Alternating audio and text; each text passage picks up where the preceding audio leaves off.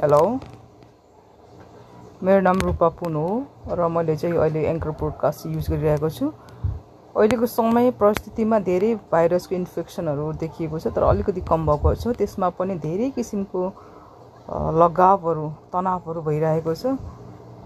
Please be careful this time र ज जसले भगवान्को नाम बेचेर खाएको छ पशुपतिनाथ क्षेत्रको नेपालमा र इन्डियामा पनि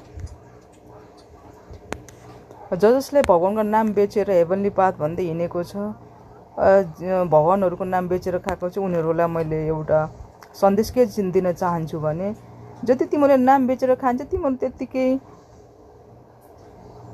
हाई प्रेसमा प पर्दैछ। त्यो चाहिँ मैले इन्डिभिजुअल्ली एउटा व्यक्तिगत रूपमा अवगत गराउन चाहन्छु किनभने यसको असर मलाई पुरै व्यक्तिगत जीवनमा मात्रै होइन मेरो आध्यात्मिक जीवनमा परेको छ।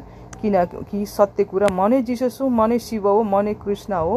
तर अहिले मैले जुन फर्ममा बाँचिरहेको छु रूपापुनको फर्ममा तिनीहरूले यसलाई युटिलाइज गर्नुको सट्टा मिसयुज गरिसकेको छ। र मिसयुज गर्दाखेरि म एकदम रिसाएको छु। यो रिसलाई अझै अघि बढ्न नदिनु होला।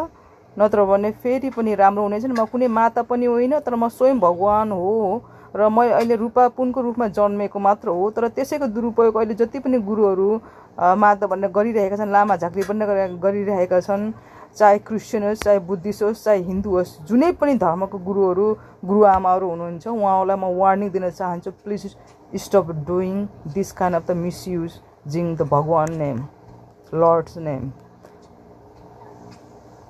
भगवानको नाम दुरुपयोग गर्न छोड्नुहोस्। किनभने अहिले मास्टर गर्डेन्जर ल बेनीको एकजना मेरो आफन्तै बेनीको झाँक्री आन्टीको नाम आएको छ जसले चाहिँ शिवको नाम पनि मिसयुज गरेको छ कृष्णको नाम पनि युज गरेको छ र म स्वयं रूपाको रूप पनि मिसयुज गरेको छ जेनीको नाम मिसयुज गरेको छ पार्वतीको नाम मिसयुज गरेको छ र यस्ता दुष्ट पापीहरूलाई